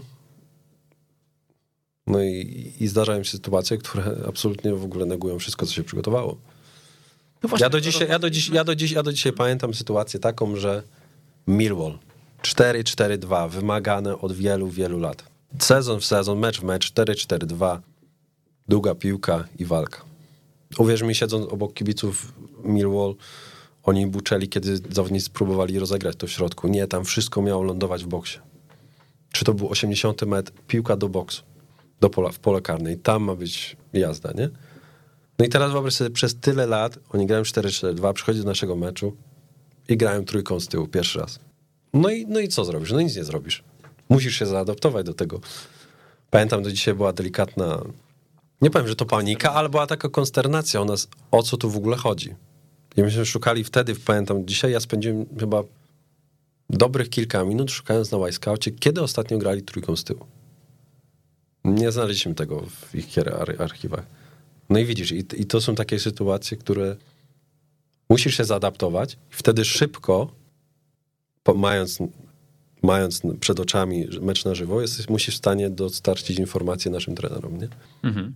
I wtedy, w takiej sytuacji, pierwsza połowa i przerwa to jest przygotowanie pod drugą połowę. To, co mówił kiedyś Mourinho, że pierwsza połowa to jest przygotowanie pod drugą połowę. Kiedyś rozmawialiśmy tutaj z Danielem Wojtaszem właśnie na temat reagowania też zespołu na drugi zespół, bo dzisiaj mm, grając z takim Fulham, e, możesz mm, powiedzieć, ok, super, oni nas zapraszają, Mitrowicz tam tylko czeka na długą piłkę, no ale e, w obozie Fulham ktoś może powiedzieć, na pewno to Andryszak prze, przeczyta przecież i mhm. e, musimy być na to gotowi i oni już tego nie będą robić. Akurat przykład Fulham jest o tyle byli w tym po podchwytliwy, pewni. Mhm. Podchwytliwy, że oni potrafią wszystko zrobić. Są wyjątkową drużyną, jeśli chodzi o poziom championship. To wyjątkowi zawodnicy. Są, potrafią zaadaptować się do wszystkiego szybko. Mają bardzo dobrych piłkarzy, najlepiej opłacanych w lidze. I po prostu takim drużynami się ciężko gra, no trzeba się postawić, nie? Ale są drużyny, mieliśmy mecz z Millsboro na początku sezonu. Drużyna Nila Warnocka znana z tego, że no jest laga. Laga i walka. I, no i walka fizyczna. I tak to wyglądało przez pierwsze 45 minut. Aż na początku drugiej połowy dostaliśmy czerwoną kartkę. Czyli było 10 na 11 i w tym momencie było 1-1. No ale Middlesbrough zgłupiało, bo nie wiedzieli co zrobić, bo my się cofnęliśmy, a oni nie potrafili grać. Swojego, nie potrafili się zaadaptować do nowego, do nowej sytuacji na boisku. Czyli my oddaliśmy im piłkę i to wyszło naturalnie, to nie było pewnie przemyślane, ale wyszło naturalnie na tyle, że oni musieli zacząć rozgrywać tą piłkę między liniami. I mieli jej całkiem dużo i przegrali 3-2. Jakbyśmy grali 11-11, nie wiem, jakby się to skończyło. Ale przez to, że los chciał tak, że ich plan został zaburzony do tego stopnia, że nie potrafili się w tym odnaleźć, my stwierdziliśmy, że ta czerwona kartka w pewnym sensie była naszym błogosławieństwem w tym meczu. I zdarzają się takie sytuacje i widzisz, no tak jak mówię, no możesz analizować wszystko, a, a później się okaże, że najlepszy zawodnik drużyny przeciwnej nie gra, bo coś tam, coś tam, nie? A twoja cała analiza była w poparciu o niego. Powiedziałeś jeszcze wcześniej w rozmowie z Weszło z Szymonem no. Stówką, e, już, już dosyć dawno chyba temu. Oj, bardzo dawno. Powiedziałeś, e, że no właśnie, zgubiłem ten wątek, że każdy komentarz to wchodzenie w jurysdykcję trenera. W Tottenhamie na przykład analitycy w ogóle nie rozmawiają z zawodnikami. Ich jedynym punktem odniesienia jest trener. Tak, jest. No to powiedz mi, jak właśnie wygląda komunikacja e, dzisiaj w Queen's Park. E, czy ty e, później pojawiasz się na odprawie i przekazujesz ją zawodnikom? Czy u nas, u nas dużo gro, gro prezentacji jest przejmowane przez naszego trenera, menedżera. On to prezentuje, bądź jego asystent. Całe fragmenty gry są przedstawiane przez innych dwóch asystentów. Daje to też takie poczucie zmiany głosu, zmiany bodźca. My natomiast komunikujemy się inaczej trochę z zawodnikami. Często to się odbywa właśnie w formie takiej nieformalnej, na zbudowanej nici zaufania. Są zawodnicy, którzy są już długo w klubie i nam ufają, są którzy tacy, którzy dopiero się uczą tego zaufania, ale merytorycznie staramy się im dopomóc jak tylko mogą w wielu aspektach. Czasami przychodzą, rozmawiamy o piłce, także tak ta, to nic się, się, nic, się, nic się tworzy. Natomiast wracając do tego, co powiedziałem Szymonowi um, o tym to Techamie, jeśli chodzi o akademię, tam właśnie tak jest. Mhm. Analitycy robią swoje, a jeśli chodzi o analizę, no to do Tottenham ma bazę za 40 milionów. Nie oszukujmy się, tam są klasy z komputerami. Każdy z zawodników ma swój login i oni sobie po prostu wchodzą, oglądają swoje klipy i, i trener jeden z drugim chodzi wokół klasy i na przykład rozmawia z danym zawodnikiem, nie? Ale to jest na poziomie akademii. No dobra, ale powiedz mi e, w Queen's Park, y, jaki ty materiał dostarczasz trenerowi? Jak, do, do, do, do my wszystko momentu to jest przefiltrowane przez ciebie? No i teraz wyobraź sobie, że my z siedmiu godzin, powiedzmy sobie z siedmiu meczów, daję ci parę godzin, solidne parę godzin wideo. My tworzymy wideo pięciominutowe. Ja z sześciu, siedmiu. Esencja. Dokładnie, tylko to. Ale konsultowana też z drugim analitykiem? To jest wasza wspólna praca, czy, czy ty yy, My mamy, mamy, każdy z nas ma swoje y, zakresy obowiązków i, i, każdy z nas to robi. Nikt nikomu nie wchodzi gdzieś tam. Znamy nasze formy, formy pracy. Czasami zamieniamy się rolami, ale w większości, tak jak na przykład ja przygotowuję mm, stałe fragmenty gry, no to z 8-10 meczów czasami sobie je tworzę, no to zostaje mi dwa rzuty rożne, trzy rzuty rożne. Dwa dośrodkowania z, z... W sensie bronienie się przed tymi rożnymi, tak? Mówimy Dokładnie, tak, mhm. tak. A powiedz, jesteś ekspertem od stałych fragmentów gry? Ja się uczę tego, ja nigdy się nie nazwę ekspertem. Ancelotti mówi, że całe życie się uczy, to gdzie ja powiem, że jestem ekspertem, nie oszukujmy się, trochę, trochę. Kiedyś rozmawialiśmy z twoim e, kolegą, e, Maćkiem Kędziorkiem, on jemu taką łatkę w Polsce przypięto, e, specjalistę od No skoro, skoro, skoro liczby działały na jego korzyść, to tylko winszować, gratulować. Rozmawialiście i... na ten temat? Dyskutowaliście o stałych fragmentach? Jakoś inspirowaliście się wzajemnie? Powiem szczerze, że my rozmawiamy na wiele tematów z Maciejem, ale akurat tego z tych fragmentów jeszcze, jeszcze aż tak wnikliwie nie, nie obeznaliśmy, ale, ale jesteśmy w stanie to nadrobić. Hmm. Ale, ale tak, stałe fragmenty są ważne, aczkolwiek czasami są przeceniane, moim zdaniem. A jak patrzysz na analizę statystyczną? Na ile ona jest istotna dla ciebie? Ona ma być pomocą. Ona ma być dołożeniem czasami kontekstu do tego, co widzisz na boisku. Ale zawsze kolejność jest taka, jak powiedziałeś, czyli zawsze analiza statystyczna i te liczby wchodzą dopiero później, żeby coś ewentualnie... Nie, czy czasami, nie, czasami jest dajesz tak... się wciągnąć w to, żeby tymi liczbami sobie... Nie jestem, obew... coś... nie jestem obezwładnięty tymi liczbami. Mm. Ale one sugerują nam czasami. Oczywiście. Dają ci jakieś tam, tworzą ci jakiś rysunek w głowie danego zawodnika czy, czy drużyny, ale, ale nie jest to dominujący element analizy. Czasami gołym okiem jesteś w stanie stwierdzić, kto jest najbardziej presującą drużyną, kto jest najmniej presującą drużyną, kto strzela najwięcej goli, kto ma najlepszych zawodników, kto wymienia najwięcej podań. Także, także są to są to y, dodatki, ja bym powiedział. Ja nie powiem, że statystyki są bezużyteczne, bo nie są, bo to jest mega pomocne, ale też nie może przesłaniać tego, co się naprawdę dzieje. Bo przychodzi do meczu i statystyki no nie grają, bo można na nie jakoś wpłynąć, powiedzmy sobie, nie? Ostatecznie. Powiedz, kto twoim zdaniem może być dobrym analitykiem? osoba, która lubi się uczyć, która jest otwarta na naukę, na słuchanie, która jest um, gotowa na dużo mentalnych poświęceń, bo to jest często praca wielogodzinna. Bez względu na to, jak jesteś bystrą i inteligentną osobą, zawsze będzie trwała dużo czasu. Oglądanie meczu no, trwa dużo czasu. Dużo pracujesz w domu i, i czasami jednak pracujesz troszkę z tylnego, z tylnego siedzenia. Chciałoby się mieć taki super wpływ. Czasami masz takie odczucie, że jesteś tym bankiem informacji, że ty powinieneś być pierwszym punktem odniesienia do, do wszystkiego, a jednak tak nie jest, bo, bo, bo nie jest. To też trzeba zrozumieć. Trzeba znać swoje miejsce w szeregu. Nie pchać się na pierwszy front. Ty jesteś tam, żeby zapewnić informację. A to, jak ty umiesz ją zapewnić, jak umiesz ją zewalualizować, to już zależy tylko od ciebie. I myślę, że dobry analityk to jest taki, który przede wszystkim rozumie swoje zadanie. Rozumie to, po co jest w klubie. Nie jesteś tam, żeby być na pierwszym stronę grania, powiedzmy sobie. Miejsce nie. w szeregu trochę. Dokładnie. A powiedz, bo zazwyczaj mm, analitycy mają taką zagwostkę, jak znaleźć złoty środek w tym wszystkim. Ty powiedziałeś już e, kilkanaście minut temu o tym, że dzisiaj możemy cofnąć się tak daleko i e, mieć tyle materiałów, nawet nie tylko na twoim poziomie, ale na poziomie nawet e, polskiej pierwszej, drugiej ligi, nawet trzeciej. Możemy mieć tyle tych fragmentów wideo i tyle mm, danych statystycznych, że w zasadzie moglibyśmy pracować 24 godziny na dobę i przez cały tydzień analizować tego przeciwnika. Kiedy jest tak, wiesz, enough? E, kiedy jest e, dość, wystarczająco? Ja myślę, że to też zależy od drużyny, w której pracujesz i filozofii pracy twojego menadżera. Bo analizować możesz wszystko. Ale teraz jeśli masz menadżera, który jest świadomy swojej drużyny, wie co chce robić, to czasami nie musisz tego dużo robić. Bo i tak wszystko opiera się o, o, o proces treningowy. Powiedzmy sobie, no pracujesz. Kto, ma, kto według ciebie ma teraz najlepszych piłkarzy w Polsce?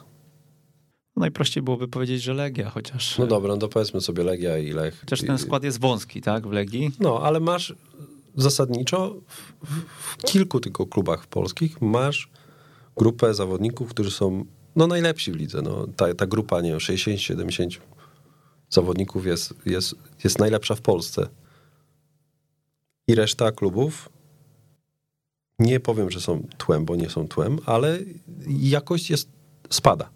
Im idziesz niżej, ta jakość spada. Nie? Masz grupę czołówkę i, i resztę peletonu. Pracując dla klubu, który ma najlepszych piłkarzy w danym kraju, nie oszukujmy się, moim zdaniem, powinieneś zawsze skupić się wyłącznie na sobie. Bo tak budujesz raz zaufanie u swoich zawodników przez to, że wierzysz w nich, nie przejmujesz się, nie, nie tyle, że nie przejmujesz się, ale twoim głównym priorytetem jest rozwój twojej własnej drużyny, twojego stylu, w którym grasz, a nie obawa przed przeciwnikiem.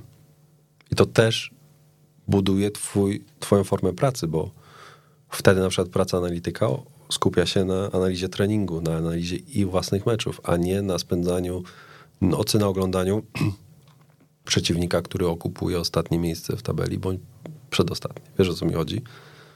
że to, jaki jest materiał, z jakim ty pracujesz jako trener, daje ci też punkt odniesienia do twojej analizy.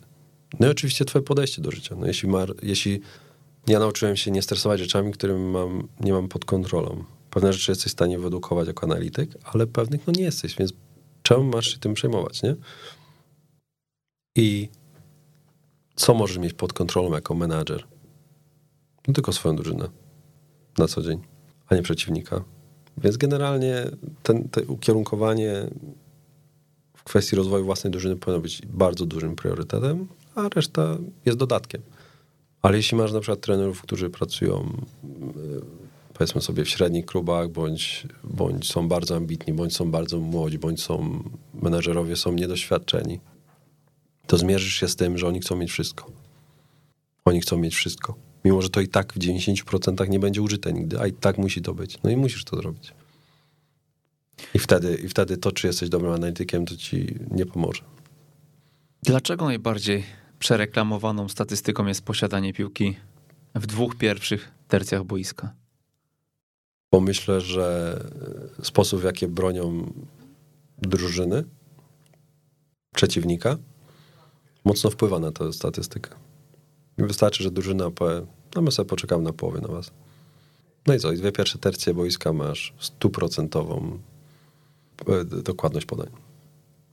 Wszystkie są do przodu, albo w bok w najgorszym przypadku. A oni sobie stoją tak jak Atletico przed polem karnym i nie masz kontaktów w polu karnym z piłką. I co wtedy taka statystyka pierwszych dwóch tercji ci mówi? Im dalej, Im dalej z moją przygodą w piłkę nożną, tym bardziej jestem o tym przekonany, że liczy się jakość e, w finalnej, w finalnej tercji, w tej trzeciej atakującej i, i to jest ta zmienna.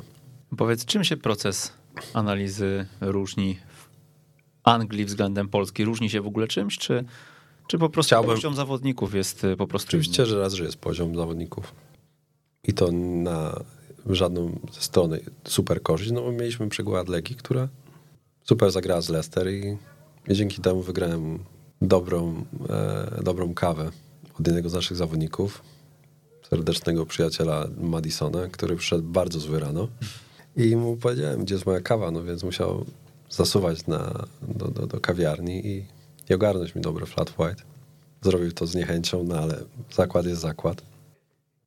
I tak jak mówię, analiza to jest tylko składowa. Zawodnicy to jest później inne, menadżer to jest inne, warunki klimatyczne to jest też coś innego. Wiesz, no, boiska, na których pracujesz, też coś, coś innego. No, analiza to jest taki jakiś tam element tej reakcji, produkcji, e, ostatecznego produktu, jakim jest wiesz, przygotowanie drużyny do piłki, do meczu. Czy to się różni? Nie. Powiedz mi, czy twoje kształcenie jako analityka e, jakoś wyglądało w ogóle, czy to po prostu, e, czy to po prostu było środowisko, w które wchłonąłeś i e, które ciebie wchłonęło i ludzie, którzy cię otaczali, bo to jest wiadomo największa wartość, tak? Tak, ja myślę, że dużo się nauczyłem od ludzi, z którymi rozmawiam. I to są czasami rozmowy bardzo nieformalne, to są czasami rozmowy, które zaczynają się od niewinnej kawy gdzieś tam w naszych biurach i, i trwają po dwie godziny na różne tematy. Tam jakiś dziennik mam, sobie zapisuję niektóre myśli i to tam się zbiera w większą całość, a myślę, że edukacja analityczna w Anglii wygląda tak, że wiem, że tam są jakieś studia analityczne, coś w tym stylu jest, nie trenerskie, analityczne. I na... FA organizuje to? Nie, tam są normalnie na uniwersytetach, wybierasz sobie kursy trzyletnie, formy licencjatów, nazwijmy to. Dla analityków. Dla analityków, nie? I one też często są połączone z, ze zdolnościami tymi komputerowymi, jakimś tam wiedzą taką. Coś, co się może przydać też analitykowi, prawda? Dokładnie.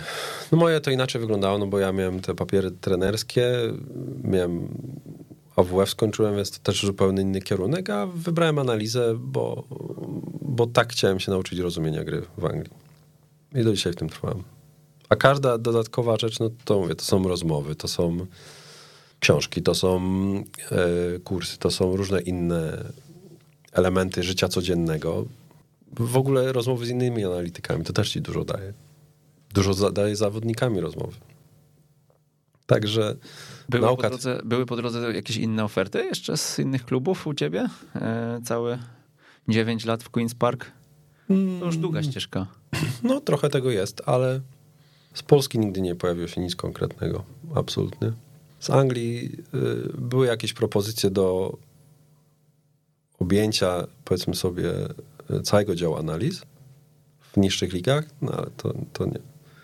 Ostatecznie to jest krok w tył. Po jak uczyć futbolu spłynie parę ofert. E, Rozumiem, że jesteś e, otwarty.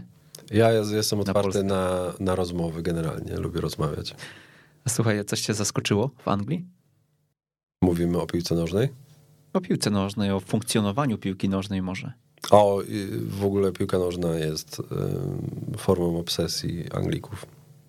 Co mnie zaskoczyło, to że bardzo dużo osób potrafi się merytorycznie wypowiadać o piłce nożnej i mówimy tu o, O kibicach. O, o kibicach. Mhm. Z czego to wynika? Myślisz, że Myślę, że dużo ludzi żyje tym sportem, to jest raz. to, jak go pokazują w telewizji? To jest dwa. A trzy mi się wydaje też, że merytorycznie eksperci w piłce nożnej, jeśli chodzi o, o wszystkie studia, czy to jest BT, czy to jest Sky, jest na mega poziomie. Sposób, jaki oni przedstawiają. Oglądasz? Żeby tylko. Żeby tylko. To jeszcze polecasz w takim razie. Ostatnio obejrzałem fantastyczny, mm, fantastyczny wywiad Roya Kina, przeprowadzony przez Gary'ego Neville'a. Godzinny spacer.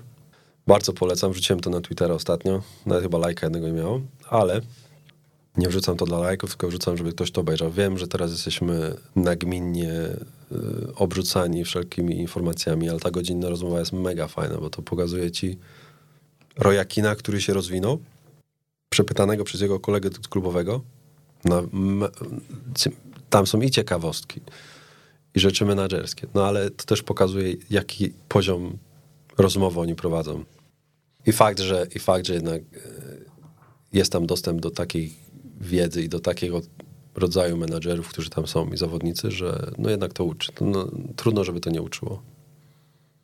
A inna sprawa, inna sprawa jest to, że jest, ludzie są jak już wejdziesz w ten biznes, jesteś częścią drużyny, jak ludzie są otwarci na to, żeby z tobą rozmawiać. A jak powiedz mi, wyglądał twój język angielski na starcie, bo no, teraz po tych latach na pewno e, nie masz z tym kłopotu, ale mm, przyjeżdżając tam e, komunikatywnie się poruszałeś. Nie, ja, ja angielski umiałem zawsze. Znaczy, to źle zabrzmi, ale uczyłem się od dzieciaka. Mhm. A ja najbardziej, najbardziej się nauczyłem języka w momencie, jak wyjechałem pierwszy raz do Stanów Zjednoczonych pracować przez 4 miesiące jako ratownik. Wtedy byłem wystawiony pierwszy raz w ogóle na, na język, wiesz, zagraniczny angielski. To mi mega pomogło. Od tamtej pory ja jedyne, co mogę wykorzystać dzisiejszą rozmowę, to po to, żeby zachęcić ludzi do rozmawiania, a nie do uczenia się gramatyki. To jest. Uwierzcie mi, rozmawiajcie, piszcie, czytajcie po angielsku i jak już naprawdę tego nie chcecie robić, to oglądajcie Netflix z napisami angielskimi, bez polskiego lektora. Z dwóch powodów. Polski lektor niszczy to, co się dzieje w oryginalnej ścieżce dźwiękowej. To jest absolutnie dramatyczne. Nie wiem, jak można oglądać nawet Szeregowca Rejana z polskim lektorem i nie słyszeć tych wszystkich świstów, wybuchów i w ogóle. A dwa jest mega prosty język. I zawsze z napisami, Z napisami szczególnie, bo... z napisami angielskimi. napisów Zatrzymać nie takie proste czasami. Oczywiście, że nie jest. Zależy od serialu oczywiście, natomiast e, tak jak mówisz z napisami, no to jest e, naprawdę poziom e, znajomości języka nie musi być wysoki, żeby, żeby kumać, co tam się dzieje, bo to jest Absolutnie poparte obrazami. Ale a jest na łatwiejsza sobie sprawa. poradzi. Tak.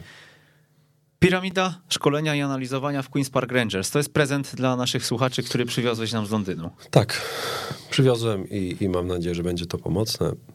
Jednocześnie e, zawarłem w tym wszystkim, tym prezencie formę, jak my szkolimy i jak wy, jako analitycy potencjalni, jesteście albo powinniście skupić się na tym, co jest ważne na danym etapie szkolenia. Na co patrzeć, co wycinać, co pokazywać zawodnikom, bo to też jest ważne, że od samego początku od akademii pewne rzeczy trzeba gradować. Nie można im pokazywać czegoś, co jest nieadekwatne do ich rozwoju psychofizycznego. Po I- prezent zapraszamy na ekstratener.pl. Ukośnik newsletter. Znajdzie, znajdzie się tam na pewno. E, ukośnik newsletter, tam e, zapisujecie się i e, mailowo otrzymujecie dostęp do wszystkich prezentów od naszych gości. Jeżeli jesteście już na liście, no to materiał przyjdzie do was e, pocztą, nie taką pocztą e, zwykłą, pocztą polską, a właśnie poprzez skrzynkę elektroniczną. E, Bartek, to powiedz jeszcze trochę klątwę na ciebie, może ściągnę teraz, ale jesteście otwarci na staże? Tak długo jak jestem w klubie, nie będzie z tym problemu. O, no to... Tylko wiadomo, tylko wiadomo, ja mam list, powiedzmy, że list oczekujących mam na pewne staże, obiecane już, które no, wstrzymały się naturalnie przez pandemię. Mhm. I wszelkie warunki e, bezpieczeństwa, które nasz klub jest naprawdę dosyć mocno zaangażowany. Jesteśmy bardzo ostrożni, jeśli o to chodzi. No ale oczywiście się pewne rzeczy rozluźniają i jest coraz lepiej. Kiedyś marzenia, dzisiaj cele. To twoje motto? Cały czas. Cały czas. Jak ktoś mi powiedział 9 lat temu, gdzie będę. Kiedy to nastąpiła taka zmiana myślenia? Jak zacząłem wierzyć w to, że mi się uda. Wyjechałem z buńczycznymi, że tak powiem, nastawienia, a później to realnie zaczęło tak jakoś dojrzewać we mnie, że jednak pewne rzeczy są możliwe. Dzięki tam cięższej pracy i, i, i szczęściu do ludzi, bo to też jest ważne.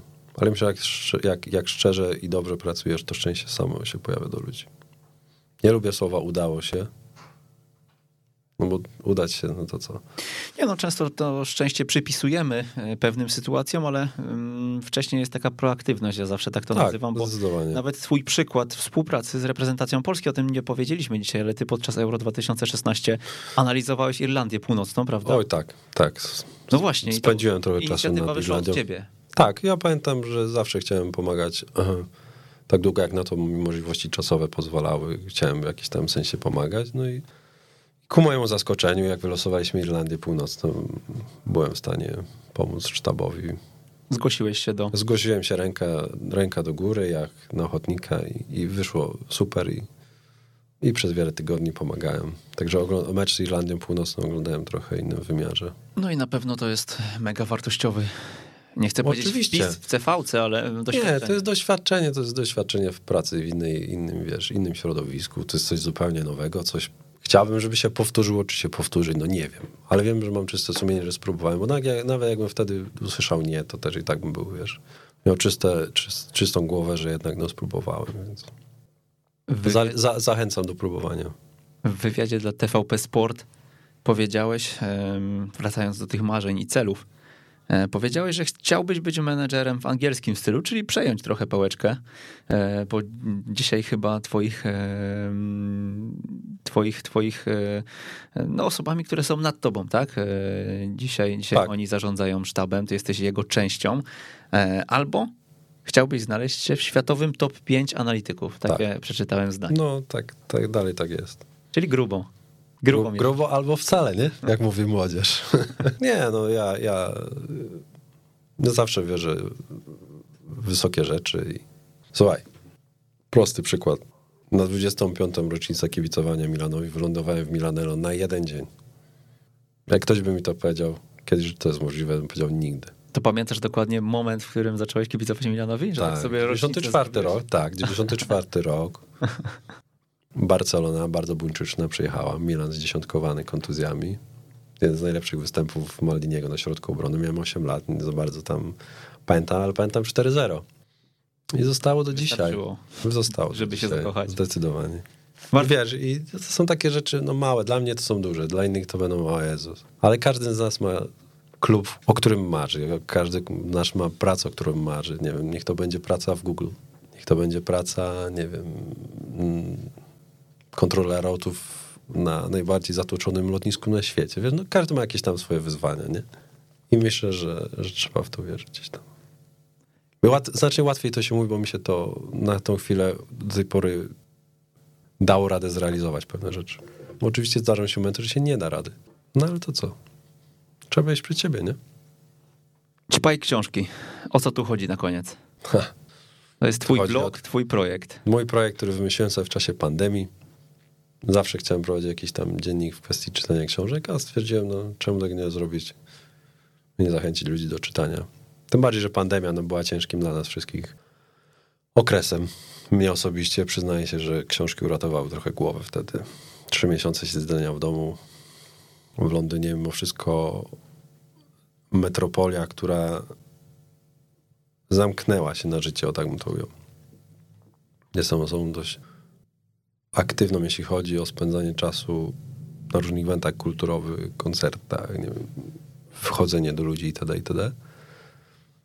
No a wtedy z dnia na dzień wszystko zniknęło. No i, i tak pamiętam do dzisiaj, że zacząłem po prostu lecieć przez moją biblioteczkę, tą półkę. Wstydu nieprzeczytanych książek jeszcze, no i ostatecznie zacząłem je czytać tak gremialnie. Skończyłem ich bardzo dużo, a przy okazji wyszła książka, która, znaczy wyszedł ten projekt, jest zupełnie absolutnie spontanicznie, zarozmawiałem z przyjacielem o, o, o jakimś tam zupełnie sportowych rzeczach. No i padła nazwa to Ćpaj Książki i tak sobie od razu wszedłem na Instagram, zacząłem, czy jest zajęta nazwa. Nie była, no więc od razu Bush mam. Zabukowałeś. Zabukowałem od razu. Na Twitterze też zabukowałem domenę. Zacząłem, czy ćpajksiążki.pl jest. Nie było, no więc od razu wykupiłem domenę sobie. Y, problem, wyz, wyz, tak? wyzwanie, było, wyzwanie było na Facebooku, no ale Facebook zaczyna być bardzo nieprzyjazny dla europejskich państw, więc delikatnie chciałem ruch mój skierować na, na Instagram i na, na blog, na stronę, która jest cały czas w modernizacji, jakoś funkcjonuje, podoba się ludziom do tej pory. I to, wiesz, no to jest fan, no to jest... Czytamy tyle tych książek, są specjaliści w różnych książkach, ja chcę być, mieć swój sort, czy te, inaczej, chcę mieć swój sort um, jak najszerszy oczywiście tych czytelników, ale wiem, że go nie będę miał, no bo ja nie wrzucam tam książek, które są turbo popularne, które są turbo dostępne. Są to rzeczy czasami ciężkie, ale, ale ja to robię dla siebie. Przy okazji to wyrzucam w przestrzeń publiczną, jak komuś to przypada do gustu, ktoś lubi te recenzje czytać, ktoś na przykład bardzo mocno się zaskoczyłem, jak mi osoby powiedziały, że nie, nie sądziły, że Forrest Gump ma książkę w ogóle. Wiesz, no każdy bazuje na filmie. No film jest kapitalny, ale jak czytasz książkę, jest równie fantastyczna. Jest inna ale dalej jest fantastyczna. Nie traci to na jakości w żadnej ze stron, no bo nie oszukujmy się, no film jest genialny. Czytasz po polsku czy po angielsku? Po wszystkiemu. E, czasami potrzebuję odpoczynku od, od angielskiego, czasami chcę po angielsku tylko poczytać. Są książki, które mimo wszystko wolę czytać po polsku.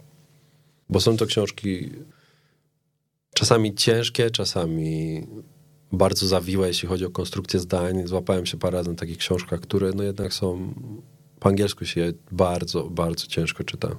Mimo jak, tego, że... Jaki masz klucz doboru kolejnych tytułów y, i jak, jak dużo czytasz i kiedy znajdujesz czas na czytanie? Potrójne ja, pytanie. Ja, ja czas znajduję wszędzie. Ostatnio złapałem się na tym, że zacząłem z, kupować przede wszystkim książki małe, małorozmiarowe i używane, to jest raz. Kupuję na Amazonie używane książki przychodzą trzy razy taniej albo cztery razy taniej. Tym książkom daje się drugie życie. Przychodzą czyste, więc mogę sobie śmiało zaznaczać to, co potrzebuję, to, co uważam za stosowne. Czytam wszędzie. Są dni, że mi się nie chce czytać. Ja absolutnie się do tego nie zmuszam. Są dni do odmurzenia się. Są książki do odmurzenia. Um, uwielbiam odmurzać się przy chyłce na bieżąco. Bo jak tylko jest dzień premiery, to od razu muszę ją mieć wstrzymałem się z ostatnią egzekucją, bo mieliśmy zbliżający się mecz z Evertonem i powiedziałem sobie, jak przejdziemy Everton, to sobie jeszcze tego samego wieczoru po ostatnim gwizdku kupię tę książkę. No i przyszło. No, kupiłem sobie właśnie Kindle. Ale czytam wszędzie, no podróże, czy, czy metro, w metrze czasami spędzasz dużo czasu, w autobusach codziennie spędzasz dużo czasu. No i to jakoś leci, nie? Nie lubię telewizji, nie mam w ogóle w domu telewizji, jak mam w domu, to mam Netflixa i Amazona. A tak to jakoś a dlaczego warto czytać książki? Przeczytałem ostatnią bardzo fajną rzecz, że umiejętność czytania i pisania to jest umiejętność, którą jako ludzkość nabyliśmy przez tysiące lat. To jest efekt końcowy ewolucji porozumiewania się. Wiesz, no, jakie my mamy szczęście, że my możemy teraz czytać w wielu językach tak skomplikowane rzeczy. Jaki język był, powiedzmy sobie, kilkaset lat temu, jaki był język mówiony, język pisany. Nie oszukujmy się, no, nie ma za dużo książek czy druków sprzed dwóch, trzech tysięcy, bo tego nie było, tego ludzie nie umieli. Jak ktoś miał czytać albo pisać książki, to był wyjątkiem. Teraz umiemy to robić, jest tego dużo. Myślę, że z szacunku na to wszystko warto czytać, a nie oszukujmy się, to też pobudza wyobraźnię. Teraz my jesteśmy, żyjemy w dobie wszystkiego gotowego pod twój nos rozumiem, jak ktoś spędza na przykład dużo czasu w samochodzie i, i uwielbia audiobooki, bo to też jest jakaś forma zastępcza. Ale jednak czytanie pobudza wyobraźnię. Pobudza. Pięć tytułów dla trenerów piłki nożnej, które byś polecił. Numer jeden to jest James Kerr, Legacy.